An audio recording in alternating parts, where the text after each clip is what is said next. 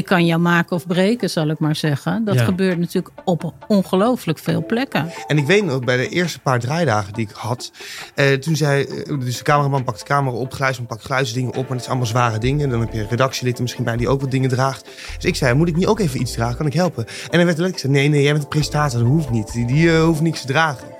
Eén op de twee vrouwen en één op de vijf mannen heeft fysiek, seksueel grensoverschrijdend gedrag meegemaakt. En het komt overal voor. Sahil, ik heb jou uitgenodigd om samen met mij te gaan ontdekken wat de oorzaken zijn, hoe we het kunnen oplossen, wat we daarover met elkaar moeten bespreken en dat te doen aan allerlei verschillende tafels. Aan de keukentafel, aan de mediatafel, die zoveel in het nieuws is geweest over seksueel grensoverschrijdend gedrag. Maar ook over de, eh, aan de kantinetafel. eh, of eh, op de draaitafel in het uitgaansleven. Ja, ja Mariette, nou zitten we weer.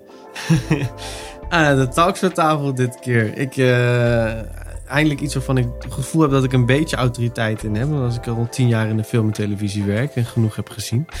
Dus eh, ik heb er zin in. Spannend, maar... eh, We gaan ontdekken wat er allemaal speelt.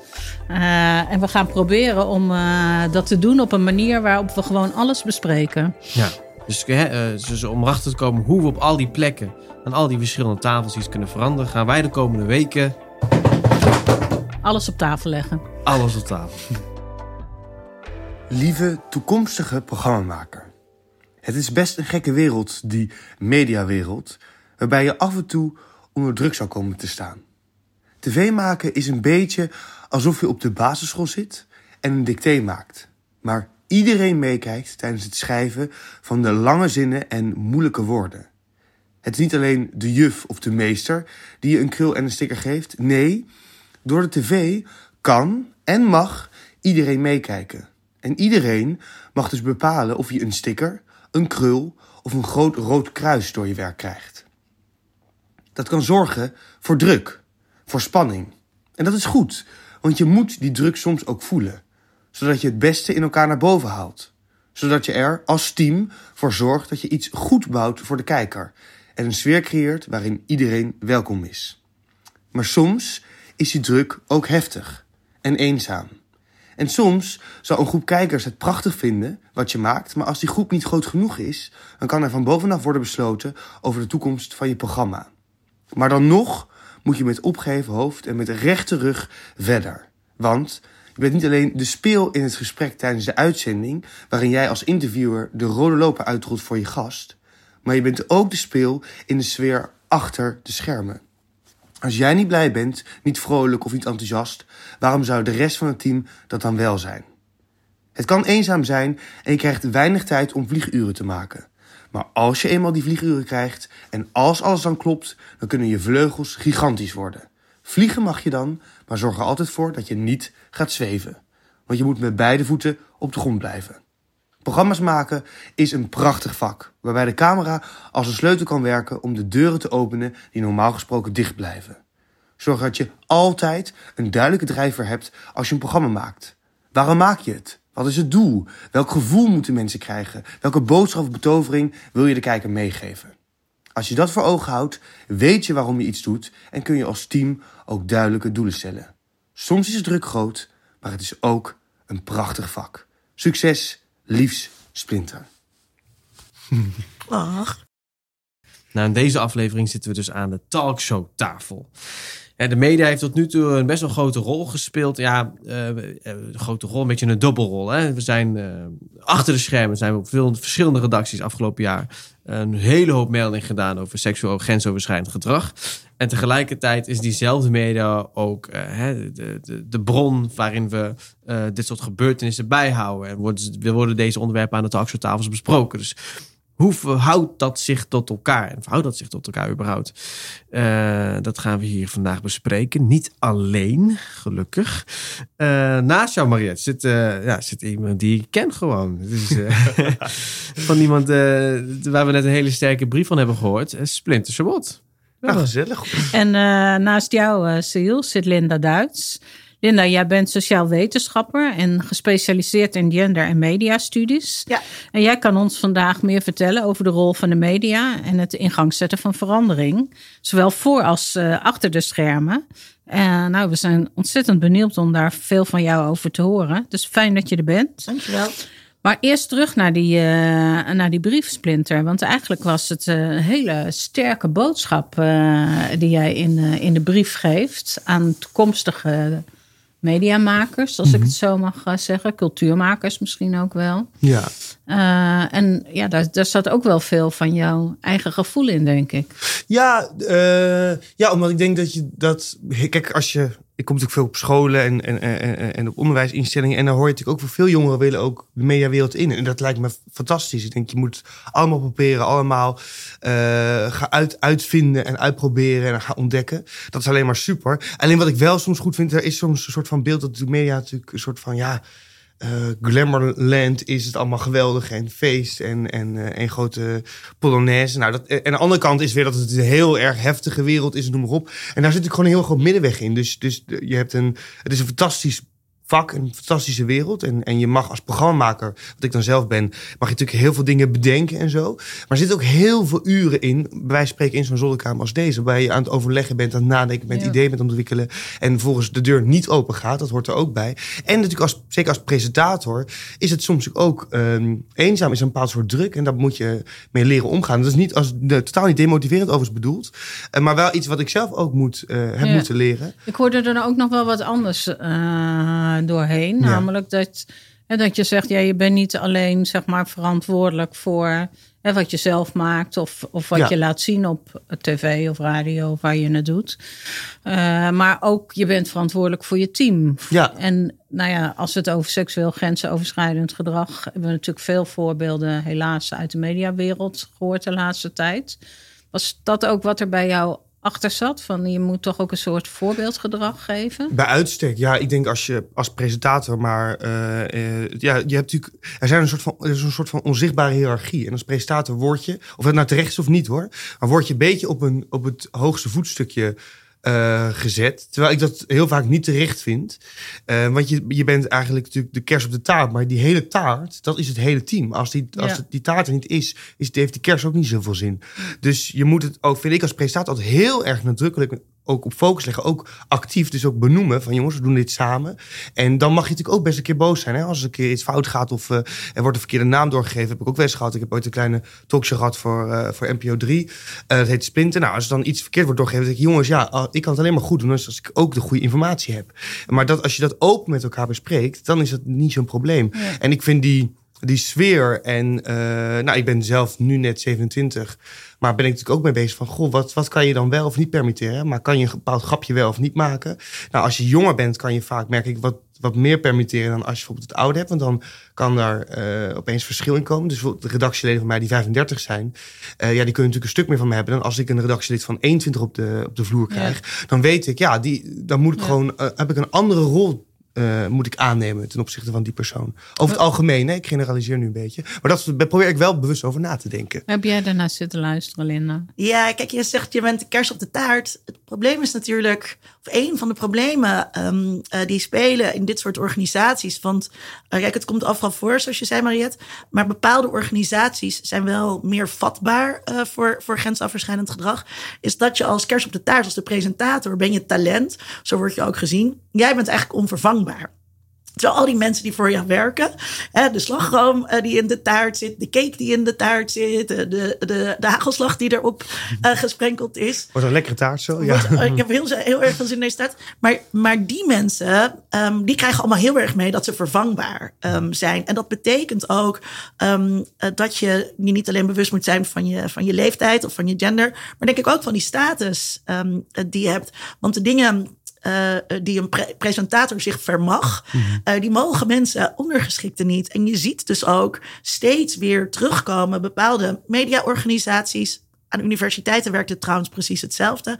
Waar groot talent is, ja, dat laat je niet zomaar gaan als een ondergeschikte met klachten komt. Hè? Dan, dan zet je, je zet dan niet de Ja, en voetbaltrainer niet, en eruit. niet, en niet zomaar klachten natuurlijk. Hè? Dus eh, zeker bij The Voice en eh, nou, bij NOS Sport horen we daar natuurlijk Ja, horen we meer over seksisme, zal ik maar zeggen. Ja. Maar van die patronen die eronder zitten. Cyril, jij, jij komt natuurlijk ook een beetje uit die wereld. Ja, absoluut. Ehm, nou, dus ik herken tot nu toe ook heel erg wat, er- wat er wordt gezegd hoor. En ik denk heel erg dat een groot deel natuurlijk in deze. ehm, Dat, dat je een sociale hiërarchie hebt op een redactie is natuurlijk al heel problematisch. In plaats van dat je het inderdaad zou moeten zien: oké, wat zijn de rollen? Eh, hè, jij bewaakt de inhoud, jij produceert dat alles op tijd. Weet je wel, maar in plaats van dat, je, dat we heel pragmatisch kijken: oké, dat zijn de rollen en iedereen is evenveel waard. Zijn we nu op een gegeven moment ook waardes gaan koppelen, inderdaad, aan die rollen. Van ja, ja maar jij bent. de- En, en, en op een gegeven moment dan krijg je een soort van, in plaats van, ik probeer het altijd zo breed. Ik probeer altijd een soort van horizontale eh, eh, groepsverhouding te hebben. Maar ja, heel vaak kom je als jonge persoon in Hilversum. En dan zit je op een gegeven moment, schuif je in, in al een soort van strak verticale eh, hiërarchie. Ja. Maar de omgang is tegelijkertijd juist heel, heel erg egalitair. Dus hè, er wordt, Ja, eh, er wordt ook- vaak Ja. een wijntje gedronken. Ehm, eh, mensen gaan heel amicaal eh, met elkaar om. En dat zijn dus ook weer juist dus een soort van eh, ehm, eh, verschuivende of si- situaties waarin makkelijk die relaties verschuiven. En makkelijk dus ook mensen grenzen overgaan. Dus aan de ene kant is iedereen heel erg vriendelijk eh, met elkaar. En aan de andere kant is er een hele duidelijke sociale ranking. Nou ja, dat Ja. vroeg ik me nog wel af, Splinter. Want hè, en nu, nu je, hè, je hebt je eigen talkshow. Dus je bent nu de, hè, de, aan het groeien naar de machtige presentator. Nou, zeker niet hoor, zeker niet. mag- zeggen. Maar je bent natuurlijk, ja, je bent heel jong. wa- liep je al in die wereld rond. Mhm. Je hebt een boek geschreven ook over je eigen eh, seksualiteit. Mhm. Eh, heb jij zelf meegemaakt dat, dat daar in het begin lacherig of gek of dat je nare opmerkingen kreeg? Over, nou, laat ik dan twee dingen daarover zeggen. Bijvoorbeeld, want het ging natuurlijk ook over hoe die hiërarchie wordt gecreëerd in de media. Wat ik, toen ik ooit mijn eerste programma maakte, Splinter in de Politiek heette dat. Toen merkte ik meteen dat daar een soort van verschil in werd gemaakt. Want we gingen, we buiten draaien. Nou, dan heb je, voor de mensen die niet in de media zitten, dan heb je altijd een, een, een trolley bijvoorbeeld. Dus er liggen allerlei cameraspullen in. En er zijn tassen en, eh, en een is mee, noem maar op. Dus heel veel spullen zijn er. En je moet vaak verplaatsen. En dan is er altijd een moment, natuurlijk als er ergens een interview is geweest, dat je spullen optilt en dat je door moet lopen. En ik weet nog, bij de eerste paar draaidagen die ik had, eh, toen zei, eh, dus de cameraman pakt de camera op, geluidsman pakt geluidsdingen op, maar het zijn allemaal zware dingen. Dan heb je redactielid er misschien bij die ook wat dingen draagt. Dus ik zei, moet ik niet ook even iets dragen? Kan ik helpen? En dan werd er gezegd, nee, nee, jij bent de presentator, dat hoeft niet. Die, die eh, hoeft niks te dragen. En dat is, nou, ik zie ze heel knikken. Dat is natuurlijk iets heel raars. Ik weet ook Ja. dat ik zei van, jongens, even normaal. Maar dan moet je wel met, Ja. dat was natuurlijk, je, je, Je wordt wordt, meteen eh, op een voetstuk er wordt iets gecreëerd wat niet zo is. Daardoor krijg je meteen die verticale verhouding. Ja. Terwijl je dat natuurlijk... Natuurlijk mag er wel, er is soms verschil. En dat is ook helemaal niet erg. Ik bedoel, eh, eh, in, in uw rol zou ik ook eerder Je. u tegen iets zeggen. Ja, dan tegen Sahil zeg ik je en jij. Want ik heb er wel eens eerder gesproken Ja. bij spreken. Ja. Dus dat, daar zit natuurlijk een verschil in. Alleen dat soort kleine dingen. Van, dat natuurlijk vanwege je presentatorrol je iets niet hoeft te tillen. Dat is natuurlijk een heel klein voorbeeld. Maar wel aangeeft hoe dat kan Ja. doorlekken in het hele Ja. systeem. Ehm, Maar naar je eigen ervaring, Maar zeg maar, de, voor die tijd. voor die tijd. Nou, ehm, kijk, eh, dus dan bedoel je vooral mijn zoektocht als jongen die op Ja, jongens nou ja, en Of- ik kan me voorstellen, als je, je bent toch die wereld binnengekomen. eh heb je je plekje moeten veroveren. En ja, we horen natuurlijk veel over seksueel Mhm. grensoverschrijdend gedrag richting vrouwen. Maar we weten ook dat het nou ja, naar homo's of lesbiennes ook eh, voorkomt. Ja, dat is natuurlijk, en het, nadeel van die zoektocht is natuurlijk dat er ook nog een hele grote eh, rol is waarbij je als, in mijn geval als jongen die op jongens valt, eh, eh, daar, is natuurlijk een, daar is ook heel veel schaamte dat je als jongen misschien op jongens valt. Ja, En dan kom je in een gevaarlijke situatie. Dat het kan zijn dat je iets gaat proberen te ontdekken. En dat je niet doorhebt dat de anderen... Ik bedoel, ik ben nu zelf 27 en dan zie ik het weer eens gebeuren. Als je dan een jongen van 18 of 19 de dansruimte in ziet komen... dan zie je eigenlijk hoe kwetsbaar zo iemand Ja. is. En dat heeft zo'n jongen zelf nog niet helemaal door. ja. En dan moet je, vind ik, als... Zou ik afstand houden, of, of in ieder geval als je met iemand een gesprek aangaat, Ja. dan vooral niet die stap zetten naar de seksuele kant, maar vooral van, hé, hey, is het de eerste keer dat je bent? Is Ja. het spannend? En daar heb ik wel eens gemerkt, ik heb zelf niet zo, ik ben gelukkig kan ik eh, wel wat hebben en, en heb ik me nooit onprettig gevoeld, maar wel dat, dat er dan iemand naar je toe komt en dat ik achteraf denk, ja, eigenlijk raar of dat iemand een grapje Ja. maakt of zo, of dicht tegen je aan komt staan. En dat zie je natuurlijk in de gay scene, als ik het even over de queer scene, zie je dat zeker bij mannen eh, eh, onderling, dat daar natuurlijk ja, hoe zou ik het zeggen? Daar zijn die normen helemaal een beetje verwaterd. En op de verkeerde manier. En, en, en eh, ik zie jou heel erg knikken ook. Eh, dat, is natuurlijk, dat is wel echt een ding eigenlijk. Daar wordt ook weinig over gesproken nog. Dat natuurlijk Ja. de iets oudere mannen, Ja. maar dat is dus als je 30 bent, wij spreken. Natuurlijk eh, de kwetsbare jonge jongens die van 16, 17, 18 of zo die binnenkomen wandelen. Dat daar natuurlijk soms een, een, een ja, die zijn zo kwetsbaar. Die moet je op eigenlijk een hele andere manier behandelen. Die moet je veel meer. Die zijn nog bezig met hun hele eigen zoektocht. Ja, het Eigenlijk. is, het is echt een probleem. En ehm, de manier, ik ben het met je helemaal met je eens dat daar nog heel veel te weinig aandacht voor is. Eh, er zit ook een andere geschiedenis ehm, Ja. eh, achter, eh, wat, het ook, wat het ook lastiger maakt. Ehm, maar ja, er is absoluut een soort van traditie tussen aanhalingstekens, die heel eenzijdig is van oudere mannen die jongere mannen initiëren. Eh, wat vroeger ook niet heel gek was in de zin dat hè, als je vroeger in Friesland woonde, eh, eh, ja, je kon bijna niet anders dan een keertje naar Amsterdam gaan en daar dan een ontmoeting hebben. En dat waren dan vaak oudere mannen. Hopelijk nu, nu het eh, op veel scholen makkelijker wordt eh, om uit de kast te komen, is het ook makkelijker om die eerste stappen op je seksuele carrière te zetten met iemand van je eigen leeftijd. Maar dat is heel lang zo geweest. En dat betekent ook dat die mannen die toen jonge jongens waren en geïnitieerd werden door oudere mannen, nu zij zelf ouder zijn, het idee hebben, zo gaat dat in de gazing. Dat hoort erbij of zo. Zie je- zie je Terwijl jonge jongens daar heel andere ideeën over hebben. Zie je daar een soort vergelijkbaar patroon in, zeg maar, in, in eh, nou ja, eh, wat we dan maar even het seksisme ri- richting vrouwen noemen? Ehm, ik denk dat dat, dat, dat anders eh, zit. Want daar zit wel, eh, richting vrouwen is het wel ook altijd het idee dat eh, oudere mannen jonge vrouwen als een soort prooi of als trofee zien. Ehm, maar ik denk dat eh, wat, het, wat het voordeel is wat, wat jonge meiden hebben, hetero meiden, ja, die hebben op school kunnen ze uit heel veel mensen kiezen. Dus die hoeven niet een afspraak te maken ver weg waar ze over liegen tegen hun vrienden, ehm, waarvan ze niet helemaal zeker weten waar ze nou precies instappen. Dus die dynamiek, eh, die, die ontbreekt onder hetero's en dat maakt het echt anders. Dat stiekem Maar moeten als je, doen. als je kijkt, zeg maar, naar, hè, wat we nu gezien hebben in de mediawereld eh, eh, hè, en wat, wat er naar boven is gekomen, dat zijn dus zeg maar die machtsverhoudingen.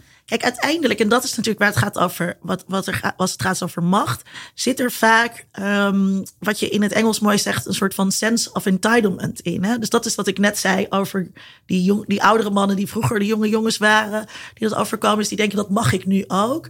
Eh, en ook, ja, wat jij net zei, als jij dus aangeleerd krijgt als presentator dat je de spullen niet hoeft te dragen, dat jij heel bijzonder bent, dan denk jij dus ook dat je meer dingen mag of je meer dingen kunt permitteren, omdat je vaak op andere vlakken ook je meer dingen eh, kunt permitteren. En dan krijg je zeg maar het gedrag wat we nu denken dat we gezien hebben bij Ja. eh, The Voice. En het gaat altijd zo met macht. En macht corrumpeert. Dat is het eerste eh, wat je leert. Zo'n beetje als je politicologie gaat studeren. Eh, dat is of dat wat je ziet ook. Als je, iemand, eh, je geeft iemand een klein beetje macht. Die kaartjes mag knippen. En die gaat wel die macht misbruiken. Ja, dat, daar zit wel een groot deel van het probleem.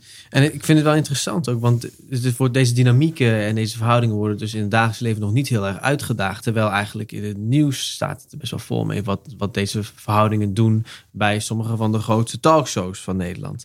Eh, we zijn de straat op gegaan, juist met deze vraag. Eh, hoe ervaren de mensen op straat eigenlijk al dit nieuws? Ja, wat vind ik ervan? Ik vind het heftig. Maar aan de andere kant, eh, ik vind het sowieso heftig nieuws. Maar het is niet zo dat ik, dat ik dacht van, oh, ehm, dat ik heel erg verbaasd was of zo. Want het gebeurt gewoon ehm, ook bij andere bedrijven, niet in de media, constant. Dus ehm, ja, dus dat. Ja, heel dubbel. Maar het is de tijd. En eh, ja, de tijd schrijdt voort en krijgt andere regels.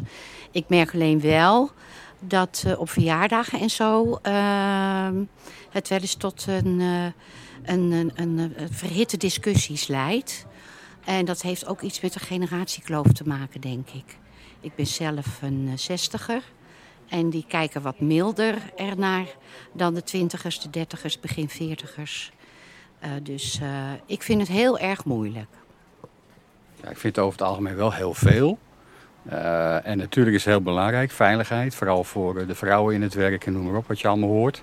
Maar ik denk dat er ook heel veel eh, een beetje achter de schermen moet gebeuren. Daarbij, we, we gaan al mensen beoordelen en veroordelen. Dat vind ik soms een beetje ver gaan. Ehm, dat mensen zich onveilig voelen, snap ik op zich wel. Alleen wat ik jammer vind is dat de discussie heel snel naar de overtreffende trap gaat. Omdat er ook een verschil is tussen. Je weet volgens mij zelf wel of je een compliment maakt of dat je echt grensoverschrijdend gedrag vertoont. En dat onderscheid is volgens mij voor jezelf heel duidelijk te maken. En daar heeft niemand het meer over. Ik weet best wel, als ik iemand, ik kan iemand best wel een compliment maken over uh, hoe iemand eruit ziet. Zonder dat ik meteen daar verkeerde bedoeling mee heb. En dat is ook super gevoelig geworden nu. Uh, en dat vind ik wel heel jammer. Uh, nou, dat het wel door het wereldje komt. Beetje egootjes. En die denken dat ze alles mogen doen en kunnen maken. Dat, dat denk ik ervan. Ja. Ego's. Ego. nou, Mariette, even van één ego naar de ander. Uh, een jaar geleden was uh, de Boos-uitzending over de Voice of Holland. Um, wat, heeft, heeft, wat heeft dit eigenlijk betekend voor jouw missie? Nou, voor mij eigenlijk best wel veel. Want de baan uh, die ik nu heb, had ik misschien uh, anders niet zo snel, uh, hè, was niet zo snel ontstaan. Het was echt wel een reactie van, van het kabinet om ja, hier echt structureel nu met elkaar iets aan te gaan doen. En, en over een cultuurverandering te gaan praten. Want ja, dat kan je niet opleggen, daar moet je het met elkaar over hebben. Vond ik zelf ook heel belangrijk, omdat ik zeg maar ook in vorige banen uh, en in de politiek altijd wel erg veel bezig ben geweest met emancipatie van groepen, van vrouwen. En eigenlijk vond ik dat punt van de voice wel een soort kantelpunt, omdat het van ja, eigenlijk zo de huiskamer inkwam. Hè, zeg maar onze zoons en dochters, in ieder geval van mijn generatie, of je had het zelf kunnen zijn vanuit het perspectief van jongeren. Die stonden daar op een podium en we dachten dat ze met muziek bezig waren. En er kwam opeens zoveel weg achter de schermen. Wat niet alleen daar gebeurt, maar op veel meer plekken. En ik denk dat het ook best wel heel veel impact op mensen heeft gehad. Dat er een aantal rolmodellen voor ons, hè, want dat waren de zangers, maar ook uh, ja, hè, Jeroen Rietberg was toch ook een beetje de ideale schoonzoon. Ja, dat daar een heel verhaal achter bleek weg te gaan. En ik denk wel dat dat het misschien het effect heeft gehad dat we er zoveel over praten, omdat het opeens zo dicht bij ons kwam bij zo'n populair uh, programma. En heeft het niet, en dan kijk ik even Splinter en Linda aan, hoor, want ik weet niet hoe jullie dat ervaren, maar is het ook niet zo dat, omdat het juist um, de verhalen die zichtbaar zijn, zijn zo specifiek, de verhalen uit de media, dat mensen zich daar ook soort van misschien uh, afstand van kunnen krijgen. Dat, dat, een beetje uh, ja, dat je een beetje afstand krijgt. Als je denkt, ja, dat is in de media, daar heb ik niet zoveel mee te maken. Ja, wat je ook hoorde in die ene, in die ene Volksboek. Dat is dat wereldje. Ja. Uh, dat zijn die ego's. Ja, was het maar dat wereldje. Het is meer zo dat media meer onder een vergrootglas liggen... dan, dan dat dit eigen is aan het mediasysteem. Ja. Zeker, ik heb, ik heb heel veel vriendinnen. En die werken niet allemaal in de media, juist niet. Die ken ik al vanaf de basisschool en de middelbare school. En die merken natuurlijk op de werkvloer of in, in organisaties zo. Bepaalde opmerkingen of bepaalde dingen die gezegd worden. Of hoe je soms natuurlijk met je wordt omgegaan. Uh, dat, dat is helemaal niet in de mediawereld, maar dat is gewoon in het, in het dagelijks leven. En, en hoe, dus dat is denk ik, alleen net zoals bij politiek ligt er een vergrootglas op hoe mensen met elkaar omgaan. Maar dat is eigenlijk een heel groot schoolplein. Nou, weet allemaal van de middelbare school. Daar wordt ook gepest, er wordt getreiterd, er wordt expres iets gezegd gezegd wat niet helemaal klopt. En dan worden mensen opgehitst. Nou, dat zie je bij de politiek veel meer, omdat daar de camera ook op staat. Maar dat is net als bij de media, daar zie je denk ik meer, omdat daar ook de camera op staat. Maar dat is natuurlijk in, de, in, de, in het bedrijf hier om de hoek of uh, twee straten verderop, gebeurt dat misschien in meerdere mate of mindere mate uh, ook. En daar moet je denk ik met elkaar uh, ja. over hebben. Wat, en wat daarbij ook belangrijk is, hè, media rapporteren graag over media. Ja. Dus kijk, op het moment dat dit bij Bakker Bolletje om de hoek inderdaad gebeurt, dan is het ook heel erg. Maar dan is is het publiek niet zo geïnteresseerd in uh, wat, wat die bakker nou precies gedaan heeft en hoe dat vervelend is geweest voor zijn uh, medewerkers. Hè. Dus we zijn ook uh, extra geïnteresseerd in dit soort zaken, precies omdat het uh, gaat over celebrities. En we ja, zijn natuurlijk juice gewoon. Het is, het is, ja. het is super juice. Dus daar, daar willen we heel graag over, um, over lezen en over doorpraten. Ja, en, maar het heeft volgens mij ook wel een soort uh, effect. Uh, wat het zeg maar ook in andere sectoren heeft. Hè? Dus het feit dat um, bekende mensen en machtige mannen toch eh, in de media opeens zo werden aangesproken, heb ik in ieder geval gemerkt dat andere machtige mannen, tussen aanhalingstekens, hè, bazen van bedrijven en zo, wel allemaal een soort schrik-effect hadden. Oh, heb ik het altijd wel goed gedaan? En dat komt omdat er nu voor het eerst eigenlijk in de geschiedenis echte consequenties opstaan.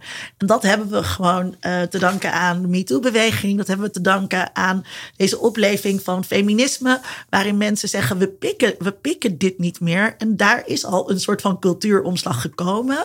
Uh, nog niet helemaal, hè, want uh, de trainer van Ajax kan gewoon weer ergens anders aan de bak.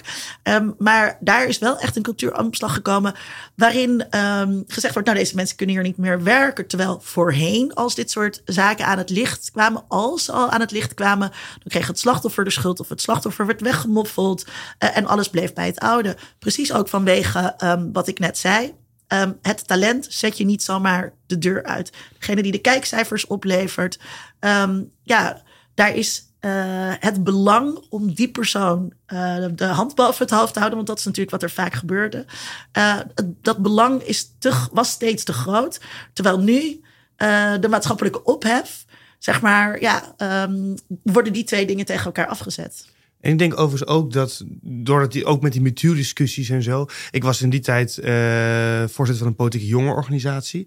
En daardoor zijn wij ook daar beleid voor gaan maken. Van, goh, hebben we eigenlijk wel een vertrouwenspersoon? Dus dan zie je, dus, er was nog niet eens een schandaal in Nederland toen eigenlijk. Ieder geval niet bekend. Dat moet ik even goed op die manier formuleren. Maar, um, en dat, dan zie je dat wel, dat, dat denk ik mijn generatie, de aanhalingstekens, in hoeverre je over mijn generatie kan spreken. Maar dat je natuurlijk wel ziet dat je daar dus veel bewuster mee bezig bent. Dat wij ook gingen nadenken, goh, hebben we eigenlijk een vertrouwenspersoon in de organisatie? Uh, waar klop je aan? Als er iets is, ook loop je aan bij bestuur, is dat niet een beetje gek? Want dat is meteen een machtsverhouding. En dat ik als voorzitter ook dacht, hey, ik ben voorzitter van, het is ongeveer 3000 leden, zitten 90 bestuurders onder mij tussen aanhalingstekens. Um, ik dacht, ja, ik uh, had voor mezelf dan ook een regel gemaakt van ik ga gewoon niet een seksuele relatie aan of, of, of uh, ja. spanning opzoeken met een van de leden, omdat ik zelf niet kan inschatten Wat wanneer het moment is van leuk flirten. Dus we ja. tegenover elkaar, we geven elkaar knipoog en, een, uh, en een glimlach. Dat is leuk. En misschien dat ik op een gegeven moment de hand op de been leg, dat ik denk dat vindt die persoon nog steeds. Hè, dat is een stapje verder in dat patroon of in, in die wandeling maar dat jij misschien dat juist onprettig vindt. Uh, maar dat je dat vervolgens niet meer durft te zeggen, dat, dat weet ik niet. En toen dacht ik, nou dan kan ik het beter gewoon helemaal niet meer doen. Met iemand van in de organisatie dan uh, niet weten wanneer de ander het niet meer ja, prettig precies. vindt. Waarbij je misschien ook kan zeggen, sla je dan niet ergens door, want je bent 19 of 20, 21 seksuele vorming hoort ook dat je juist uitzoekt. Dat je, ja. uh, uh, uh, dat, je een keer, dat je een keer ruzie krijgt over dat je zegt van nee, ik wil dat je een blauwtje oploopt, om het even zo te zeggen. Dus dat is ook ingewikkeld. Maar ik vind het wel mooi um, dat op die manier dat ook wordt uitgezocht. Dat je dat probeert ja. uit te vinden. Er zijn wel iets boeiends aan net, want dat was natuurlijk zeg maar vorige week vrij recent nog in het nieuws. Uh, over dat, hè? je zei, ja, we, we, uh, sinds MeToo hadden we vertrouwenspersonen. Maar nou blijkt dus natuurlijk toch dat, uh, hè, want dat riep John de Mol natuurlijk in het begin ook. Van ja, maar ik snap niet waarom die vrouwen zich niet hebben gemeld, want ja. ze waren er. Ja. er en zijn... nou blijkt het toch niet op orde. Want hoe zie jij? Nou ja, ook in die wereld. Uh, ja, ik werk ook in die wereld. Wat, wat, nou, wat ik heel erg merk, is dat uh, het nog niet serieus geïncorporeerd is. Ik denk dat heel veel mensen aan de top uh, toch nog wel vaak, helaas, van een bepaalde gedachtegoed het nalaten van, nou ja, weet je, oké, okay, ik doe dan het minimale wat nodig is en dan zal het wel goed komen. Ik, ik implementeer vertrouwenspersonen en dan verwacht ik dus heel erg passief zijn, eigenlijk.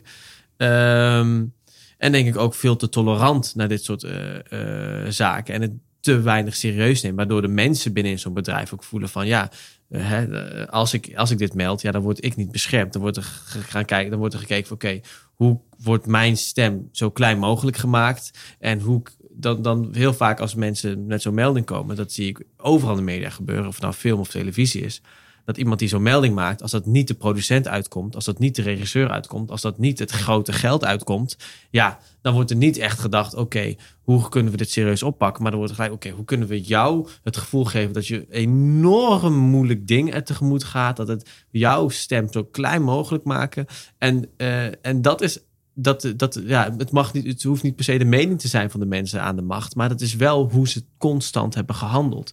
Dus de hele idee van, ja, dat John de Mol zegt, waarom komen die vrouwen niet naar mij toe? Ik denk omdat heel veel vrouwen doorhebben van, ja, maar John, al zou ik naar je toe komen, jij gaat niet deze grote producent of deze, eh, deze eindredacteur of deze regisseur die, al, die voor jou miljoenen binnenhakt, die ga je niet opzij schuiven, omdat ik het niet prettig vind om een hand over mijn wil te krijgen. Dat, dat, zeg maar, vaak is dat letterlijk een boodschap die vertrouwenspersonen in het verleden hebben geuit. ja, Gewoon eh, voor jou tien anderen, eh, als, het, als het hier niet werkt, dan is het misschien beter als je bij een andere organisatie gaat werken. ja, precies dat. Ja, dus dat zijn dan ook niet vertrouwenspersonen die echt Ja. naast iemand eh, gaat staan. Er wordt denk ik wel nu ook in dat beroep van vertrouwenspersoon veel meer aan gedaan. Hè? Dus Ja. eh, daar spreken we ook veel meer over. Je- Wat kunnen we van de vertrouwenspersoon verwachten? En je wil dan dus ook dat die vertrouwenspersoon op geen enkele manier eh, afhankelijk is van de machtige mensen eh, waar het over gaat. Of Ja. niet een relatie heeft Ja. eh, met een van de mensen die aangeklaagd wordt. Ik bedoel, dat is natuurlijk helemaal het laatste schandaal. En ik- daar zit ook een probleem. Hè? Ehm, de mediawereld eh, is niet heel klein, maar is ook niet heel erg groot. Ehm, eh, dus al die relaties, die lopen ook door elkaar. En het is heel ingewikkeld om dan dus ook soort van onafhankelijke mensen van buiten eh, eh, te vinden, die wel tegelijkertijd ook de Ja. organisatie kennen. Wat ook vaak een soort van, eh, dan dan ga je, dat- wat ook vaak provinciale mensen zijn, mensen van kleur, eh, queer mensen of ah, mensen uit lage sociaal-economische milieus. Dat zijn vaak de mensen die niet zoveel vriendjes hebben daar of die nog geen groot gevestigd netwerk hebben daar. Dus zij worden ook nog nadeliger behandeld wanneer er een klacht is dan dat iemand die wiens moeder de eindredacteur is van die of wiens Ja. vader Ja. een soort van eigen onafhankelijke, onder- onafhankelijke tussen haakjes onderzoeksbureau heeft. Ja, dat, dan, Ja. dan krijg je ook dat soort eh, eh, dingen. dit gesprek leert ons dat, eh, nou ja, dat we zien dat eh, nou, in ieder geval heel veel over gesproken is. Met ups en downs en hoe je dat ook beoordeelt. En het gesprek leert ons ook dat de traditionele media hè, wel in staat zijn om, om zeg maar dingen te laten zien. Maar dat het niet altijd de plek is eh, waar ook de oplossing eh, wordt eh, gevonden. Hoe je dat ook beoordeelt. Eh, dus het is eigenlijk belangrijk om te kijken, denk ik, ja, hoe, hoe, hoe wordt er nou in die samenleving verder over gedacht? Ja, want we werken natuurlijk niet allemaal bij de media. Wij zijn op straat gaan vragen namelijk... hoe wordt er bij jou op het werk over seksueel grensoverschrijdend gedrag gepraat?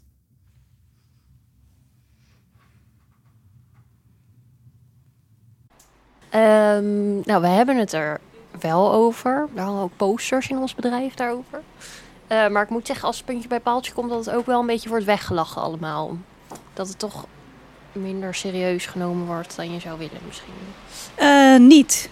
Nee, niet, dat, niet voor zover ik weet. Althans, ik weet wel dat wij vertrouwenspersonen hebben in ons bedrijf. Maar ik ken die mensen niet persoonlijk. En ik weet ook niet of ik daar mijn verhaal aan zou kunnen doen als, ik, als mij iets zou overkomen. Maar. En we maken er zeker wel grappen over. En allemaal volgen we het nieuws wel. Dus op die manier praten we er wel over. Maar ik weet niet zo goed hoe, waar ik terecht zou kunnen in mijn bedrijf. Ik denk dat vooral ja, mannen wel bewust zijn van een aanrakingje of een dingetje. Van hey, goed gedaan, eventjes dat handje op de schouder. Dat ze daar misschien wel bewust mee bezig zijn. Maar het is niet dat ik dat, daar verandering in zie of zo. Dat niemand elkaar meer aanraakt of zo. Dat zeker niet.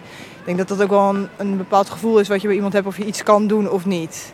Werk in een slagerij met eh, jongen en, eh, en ouderen. En eh, ja, ik vind dat wel soms echt heel lastig. Dat, wat zijn je ambities? Ik denk dat dat ook wel meespeelt. Van ja, wil ik zo hoog komen en hoe ver ga ik daarin? Ik denk dat dat ook wel meespeelt in deze maatschappij, helaas. Of er op ons werk ook over wordt gepraat. Nou, toevallig kregen we vorige week volgens mij nog een mail van onze directrice. Dat nou, daarop gelet wordt en eh, dat eh, grensoverschrijdend gedrag niet wordt geaccepteerd, et cetera. Eh, maar verder, nee, we hebben het er eigenlijk nooit over. Ehm, tenminste, ik niet met mijn collega's. En ik, ja, ik kan me ook niet voorstellen dat er, dat dingen gebeuren binnen ons bedrijf. Maar ja, god, ons bedrijf bestaat ook uit mannen en vrouwen. En er zullen vast intriges zijn. En misschien eh gebeuren daar wel eens grensoverschrijdende dingen. Maar eh, nee, we hebben het er eigenlijk eh, nooit over. Nou, klinkt alsof we nog wat dingetjes. eh, Dat we nog wel wat eh, Ja. te doen hebben. Ik wil eigenlijk een beetje terug, Splinter, naar waar jij ook in je brief over had en in het begin over vertelde. Die verantwoordelijkheid die je eigenlijk steeds maar zelf ook als eh, eh, presentator eh, en met je redactie Mhm. bent gaan voelen over welke rol vervullen wij nou ook eh, in het maatschappelijk gesprek, maar ook ten opzichte van mijn eigen werkvloer. Ja. Van, maak jij nu inmiddels alles bespreekbaar? Nou, kijk, er is natuurlijk een. eh, Overigens, hè, dat hoorde ik ook net als ik de mensen hoor spreken eh, op straat. Er is natuurlijk wel een groot verschil tussen grensoverschrijdend gedrag en seksueel grensoverschrijdend gedrag. Een Ja, deel maar- van de mensen ja. had het over grensoverschrijdend gedrag. En, en er is weer een ander deel had het over seksueel grensoverschrijdend gedrag. Het is allebei grensoverschrijdend, maar eh grensoverschrijdend kan ook zijn dat je tegen iemand tekeer gaat of zo, weet je wel. En Ja. seksueel grensoverschrijdend is echt, natuurlijk, kan fysiek, maar ook met opmerkingen. Maar afet. Dat, ik probeer daar wel in mijn werk heel erg op te letten. En ook goed om te zeggen, dat gaat natuurlijk niet altijd goed. Ik heb ook wel eens gezegd van eh, in, in een woede, eh of woede uitbarsten, niet het goede woord, maar dat waar waar bepaalde dingen niet goed gaan, zei ik ja, maar het moet, het moet gewoon zo worden uitgevoerd. En dan is het heel belangrijk dat iemand anders genoeg vrijheid heeft Ja. om te kunnen zeggen, of de volgende dag van, nou Splint, hoe je Ja. toen even, was niet, trouwens niet op mijn publiek, hè, was aan de telefoon met één iemand. Want het, ik vind wel, we moeten natuurlijk niet ver, ver- vertrutten of, of allemaal krampachtig gaan worden. Of er moet wel, als er een sparkle is, moet die sparkle ook er mogen zijn. Er mogen ook meningsverschillen zijn, er mag ook verder discussie zijn. Alleen je moet wel zorgen dat het altijd respectvol gaat en dat het op een goede manier gaat. En dat er echt de vrijheid is ehm, eh, om ook iets, ook bijvoorbeeld ten opzichte van mij, ergens Te over te kunnen kunnen zeggen, zeggen. ja. Dat vind ik echt heel erg belangrijk. En eh dat probeer ik ook juist. Ik heb bijvoorbeeld een management. En dan zeg ik, joh, eh, als ik bijvoorbeeld uit de bocht schiet, zet mij met de voet op de grond. Corrigeer, corrigeer me, weet je wel. Eh, want anders ga je, waar we het eerder over hadden, natuurlijk, daarom zei ik in de brief ook, ga wel vliegen, maar niet, nee, ga wel, ja, ga wel vliegen, maar niet zweven. Ja, precies. En dat kan natuurlijk En dat is eigenlijk, zeg maar, als je nou... En naar de voorbeelden die we de laatste tijd hebben zien langskomen... eigenlijk veel te weinig gebeurt. Dat, Ja. dat door die machtsverhoudingen... Ja. Hè, en formele of informele macht... Ik denk- dat mensen niet aangesproken zijn. Ik zag jou trouwens net heel erg schrikken tijdens eh, de Foxpopjes bij de quoteje van de mevrouw die zei van ja, eh, hoe ver wil ik in het bedrijf komen en wat, wat en hoe ver laat, laat ik het daarvoor gaan? Jij, jij, jij, jij vertrok helemaal. Ja, dus ik, ehm, eh, ik schrok een beetje omdat het leek alsof, alsof ze zei: ehm, eh, mensen slapen zich een weg omhoog. Hè? Dus Ja, die ja. seksen zich een weg omhoog. Eh, en ehm, eh, dat, dat, dat beeld leeft denk ik ook heel erg. Eh, terwijl het volgens mij meer zo is ehm, ehm, dat je dat je dat, dat daar er zit een soort van victim blaming in eigenlijk eh, daar. En ehm, ik iemand denk het dat bewust doet of Nou ja, zo. ja, dat iemand dat bewust doet. Terwijl ik veel eerder denk dat de situatie omgekeerd is. Dat als je op een werkvloer bent en je baas maakt avances naar Mm. je en je gaat daar niet op in, dan, Dan lig je eruit. Ja, Dan heb je ja. een Ja, probleem, terwijl en maar in onze Dat is natuurlijk in- heel fout. Ja, in Ja. onze cultuur bestaat het beeld van een soort van, eh van fataal vrouw ja, die, zich, die zich de weg naar boven eh sext. Ehm, ik weet niet hoe correct dat beeld is. Ik heb het daar wel eens over met succesvolle vriendinnen. Die herkennen dat helemaal niet. Terwijl ik ook wel eens ja, roddels hoor over bepaalde mensen op de universiteit. Ik, maar ik denk dus wat de werkelijke situatie dus eerder is. Je moet wel een beetje meegaan in dat geflirt. eh, want anders dan word je niet meer eh, bevorderd. Ik moet heel erg steeds denken aan de film Bombshell. eh, die gemaakt is over, ehm, hoe heet hij ook weer eh, bij Fox News? Roger. Ik even Dat zijn. niet. Nou, de grote baas van, van. Fox News. Nou, als je die film kijkt. Ja, natuurlijk zijn dat ambitieuze vrouwen. Maar dat zijn allemaal vrouwen die, die eigenlijk voor die keuze komen te staan. Of zij ingaan op zijn seksuele avances, wat ze niet willen. Ehm, of eh, dat ze gewoon gedegradeerd worden. En uiteindelijk besluiten ze eh, eh, om toch klachten in te gaan dienen. Zien ze ook dat ze samen sterk eh, staan. En het leidt dat tot andere dingen. Dus ik denk dat het heel belangrijk is om dit soort films te kijken.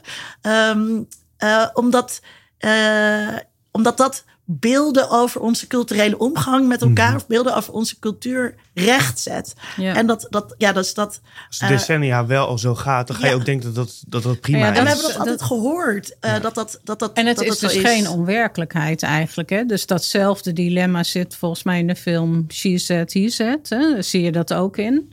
Eh, en dat er eigenlijk pas wat kan gebeuren als vrouwen solidair worden met elkaar. Maar als je het verhaal van The Voice vo- eh, volgt... het is dat Tim Hofman hè, dat eh, in, in beeld heeft gebracht. Maar daar zit natuurlijk dezelfde dilemma in voor als je meedoet aan zo'n eh, aan zo'n show. Ja. Van wat laat ik wel of niet toe. Ja, en de zinnetje, hè, dat is natuurlijk wat altijd ook eh, voor mij ook een clichézin van ik kan jou heel groot maken, weet je wel? Van, Ja. dat, dat heb je natuurlijk ook in je hoofd Ja. van, oh, maar deze persoon kan wel. En Dan dan kan je dus, als hij je groot Ja. kan maken, kan hij je Ja. ook klein You'll maken. never denk- work in this industry again. Ja. Ja, denk dat los idee. van waar dan zo'n eh, persoon hè, die dan ergens probeert te komen, of die dat nou bewust wel doet of niet op ingaat, of expres doet of niet expres. Ik denk niet zozeer dat dat de discussie is, maar ik denk dan inderdaad dat meer dan discussie zou moeten zijn.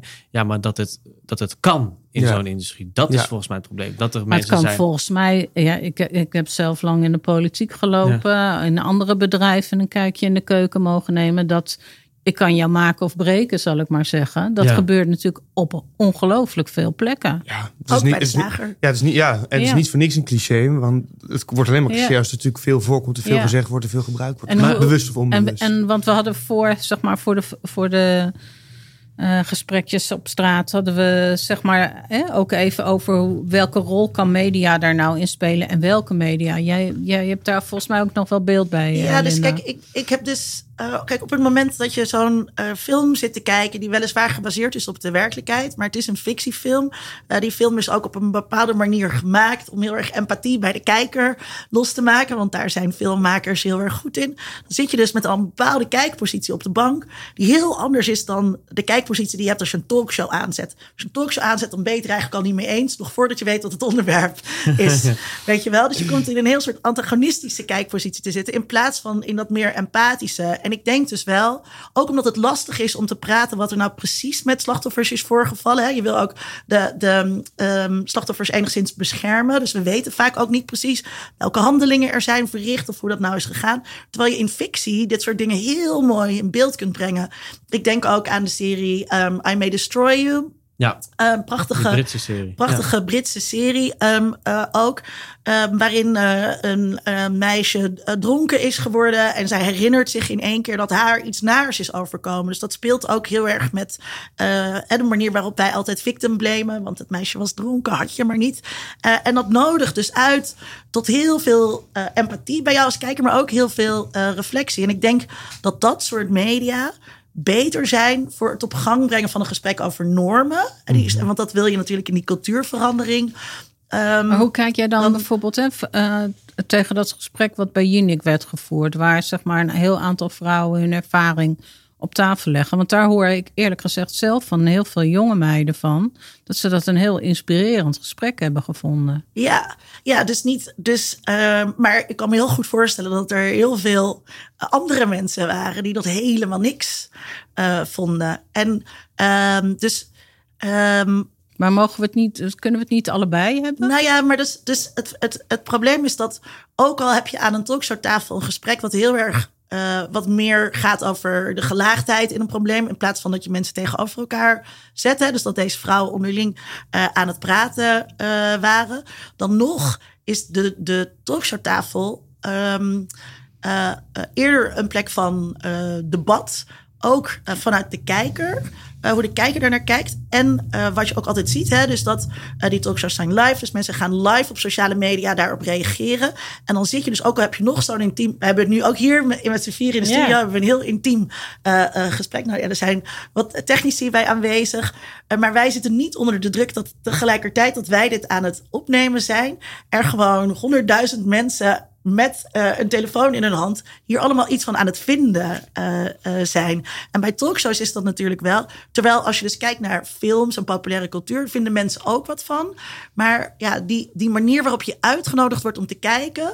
Eh, of uitgenodigd wordt om te reageren, die is toch heel anders. Ook in boeken kan je daar natuurlijk Ja, heel erg. absoluut. Soms ook. eh, je hebt een Ne- Nederlands eh, dubbele, dubbel, dubbelgang, of weet ik even niet meer. Maar in ieder geval, je hebt boeken waardoor je natuurlijk ook soms in verschillende rollen plaatsneemt. Waardoor je denkt: oh ja, dit is ingewikkeld. Hoe zou ik Ja. hier zelf op reageren? Het zet je aan het denken. Ja. Hè, dat- ik denk dat je dus films, eh, boeken, series, dat kan je kan prikkelen. Ik denk overigens qua, qua media dat je daar juist ook door een, platform te creëren en een podium te geven aan slachtoffers. En dan niet als slachtoffers neerzet. Want dan wordt het zo van: oh, uh, wat ben je zielig? Nee, kijk eens hoe krachtig uh, in dit geval deze vrouwen zijn. En uh, zij staan hier met rechte rug, opgeheven hoofd. En ik heb zelf een mini-talkshow gehad. En daarin probeerden we juist hokjesvrije televisie te maken. En dus de sfeer daar te creëren van vergeet de buitenwereld, hier is alles mogelijk. En ook als de buitenwereld daar op een gegeven moment wel op reageert, om dat ook, ook los te zien. Dus dat is, ik, ik geloof er wel in dat media daar ook een positief effect bij kan Zeker. hebben. Nou ja, en wat ik zelf heb geleerd van als iets eenmaal zeg maar zo dominant, hè, want we zien, het is, we hebben het nu toevallig veel over televisie, maar de kranten schrijven er eigenlijk ook elke dag staat er wel een voorbeeld van seksueel grensoverschrijdend gedrag uh, in de kranten. Ik heb zelf eigenlijk in, uh, in uh, de periode dat ik bij de Sociaal-Economische Raad zat en we de discussie moesten lostrekken of alle vormen van ZZP-schap of tijdelijke contracten goed waren. Dat is een periode geweest, dat was dat allemaal goed. Terwijl, nou, gisteren uh, is er een voorstel gekomen om dat een beetje recht te trekken op die arbeidsmarkt. Pas toen we er in de media over de mediasector gingen, gingen praten, werd geaccepteerd dat er dingen niet goed waren. En dat zou dus het effect kunnen zijn van het feit dat er nu zoveel voorbeelden uit de media zijn gekomen, omdat er toch een breed gesprek op gang komt, wat eigenlijk geen ander podium voor elkaar krijgt, dat we het ook in die huiskamer er zo intensief over hebben als het laatste jaar. Dat is eigenlijk wat ik dus even los of het medium geschikt is of niet, is het wel gebeurd dat er zoveel over wordt gesproken en dat het, dat, dat het zo dichtbij komt ook. Maar is het ook, het is, is het ook niet een soort van klimaatprobleem? Wat je niet zeg maar, je, je lost het niet op met één ding. We gaan het hier natuurlijk aan deze Nee. tafel niet oplossen. Maar Nee. we zijn deel van een grootschaliger, eh, hopelijk, eh, oplossing. Dus dat er vanuit allerlei hoeken, dus podcasts zijn, boeken, talkshows, eh, Tijdschriften, fictie, ja, films, muziek, toneel. Je wil het Dat er langzaam maar zeker een soort van ware Hadewig heeft nog een prachtig toneelstuk gemaakt Ja. over waar dit thema ook over gaat. hartstikke trouwens. goed, ja. Voor mij was het misschien wel eh, aardig om in te brengen. eh, wat, wat voor mij heel blikveranderend is geweest, is inderdaad een podcast eh, eh, die ik luisterde, waarin het over victim blaming ging. En dat gaat, als ik hem even hier mag delen, eh, ging vooral over. eh, wij willen niet dat, ehm, eh, eh, dat mensen die wij leuk of goed vinden, dat die slechte, dat die slechte dingen doen. En dat is de reden waarom we dan zo makkelijk beginnen over de toon of over cancelcultuur of over. Want we willen niet dat, dat die mensen slechte dingen doen. Dat was voor mij echt een eye-opener. Dus dat is ook een effect van de media. Ja. Maar ik denk ook dat het ju- juist heel goed is ook eh, dat er zoveel verschillende soorten media is. En Ja. ook in, bij, binnen elke medium ook heel veel verschillende soorten. Want natuurlijk, als je het echt wil oplossen, dan moet het intersectioneel gebeuren. Dan, moet het, Ja. dan moeten bepaalde dingen komen die heel erg aanspreken voor zwarte vrouwen. Of voor islamitische eh, mannen. Of voor eh, Ja. eh, me- mensen met een, uit een laag sociaal-economisch milieu. Eh, want als je het inderdaad alleen maar gaat doen, bij wijze van spreken, in hele mooie toneelstukken in ITA. ja, dan, dan wordt de Nou grachtengordel ik- misschien iets bewuster. Maar Ja, dat is natuurlijk het mooie van wat er eigenlijk nu eh, in deze fase aan het gebeuren is. is zal, zal ik maar zeggen, hè, dus aan de ene kant een discussie komt op, op gang door creatieve vormen. Maar je ziet nu dat door de discussie ook nieuwe creatieve vormen weer zijn plek vinden. En dus heel breed. Ja, precies. Hè? Dus er zijn echt prachtige voorstellingen nu waarmee je elke discussieavond over dit onderwerp kunt beginnen. Omdat die zo mooi in één scène bijvoorbeeld iets kunnen eh, neerzetten. Of bijvoorbeeld hè, hoe de, in de hele studentenwereld nu wordt gesproken over dit onderwerp. Hè, dus ook op gang gezet door een groep jonge vrouwen. Is er nog iets, eh, Linda, waarvan je zegt, nou, hè, dat wil ik nog heel snel meegeven? Ehm, we moeten echt bereid zijn om eh, groot talent, om daar toch consequenties aan te verbinden. Ik denk dat dat echt een belangrijke les is. Dat we dus ook moeten kunnen bedenken dat ehm, mensen die we heel erg bewonderden, ehm, dat we moeten kunnen toegeven dat dat. Dat die verkeerde dingen doen en dat die daarom eh, dat daar consequenties op moeten staan. En dat is heel moeilijk. Eh dat is eh, eh, een bekende uitdrukking uit de popmuziek: kill your idols. Ja. Eh, dat, dat vinden we eng en dat moet, denk ik, dat is een pijnlijke eh, zure Ja. appel waar we in dit soort situaties soms doorheen moeten, moeten bijten. In de politiek zeggen ze dan kill your darlings. Hè? Eh, ja. Dat moet je Ik kijk je meteen naar mij. Ja, ja. nou, is bij schrijven is het ook zo. Kill your darlings, moet je scènes eruit halen. Ja. Nee, nou, en ik denk overigens, hè, misschien ook wel even om een beetje nuchter weer met de voeten op de grond te komen. Om het cirkeltje rond te maken, is dat natuurlijk elk talent ook vervangbaar is. Ook, eh, ik bedoel, eh, de- elke ja, ook ik als programmamaker, dus ik kan misschien eh, leuk of met po- politici interviewen. Maar dan kan natuurlijk uiteindelijk, is er genoeg, er zijn met 17,5 miljoen mensen in dit land. Er zijn genoeg anderen die dat ook kunnen. Dus eh, Ja. Eh, als ik de maar. sociale hiërarchie af. Ja. En, eh, ja. En dan vervolgens met wederzijds instemming vooral naar de slaapkamer. ja, precies dat. en in allerlei eh, samenstellingen. Ja, nou, ja, kijk, ja, nou, wordt- wordt wel heel wild zo, Ja, ja. wordt heel wild hier. Nou ja, het is dus wel mooi om, eh, zeg maar, hè, wat we in de eerste, hè, wat wij aan de keukentafel echt eh, als conclusie trokken. Dat we zeiden, het zou goed zijn dat dit gesprek over seksueel grensoverschrijdend gedrag, wat tot nu toe eigenlijk nog een, vooral een gesprek van vrouwen met vrouwen is geweest, ook een gesprek wordt. eh, met mannen, eh, waar mannen ook een belangrijke rol eh, in, in spelen. We hebben een beetje een soort oproep naar de vaders en de opa's eh, gedaan. En naar de machtshebbers. En, naar de, en nu eigenlijk vandaag naar de, de machthebbers eh, daarbij. Eh, de volgende keer gaan we praten over de uitgaans, uitgaanstafel. Ja, Wat ga, we komen gaan dit we- weekend nog een paar keer uit. Voor wij, onderzoek, wij gaan het eerst uitproberen, Ja, toch? ja, ja. Eh, en dan kunnen we daar de volgende keer over praten. Ik dank Vijf jullie uur wel. s'nachts in de niks. Ja, nou, ik zie je daar. Ja, dank.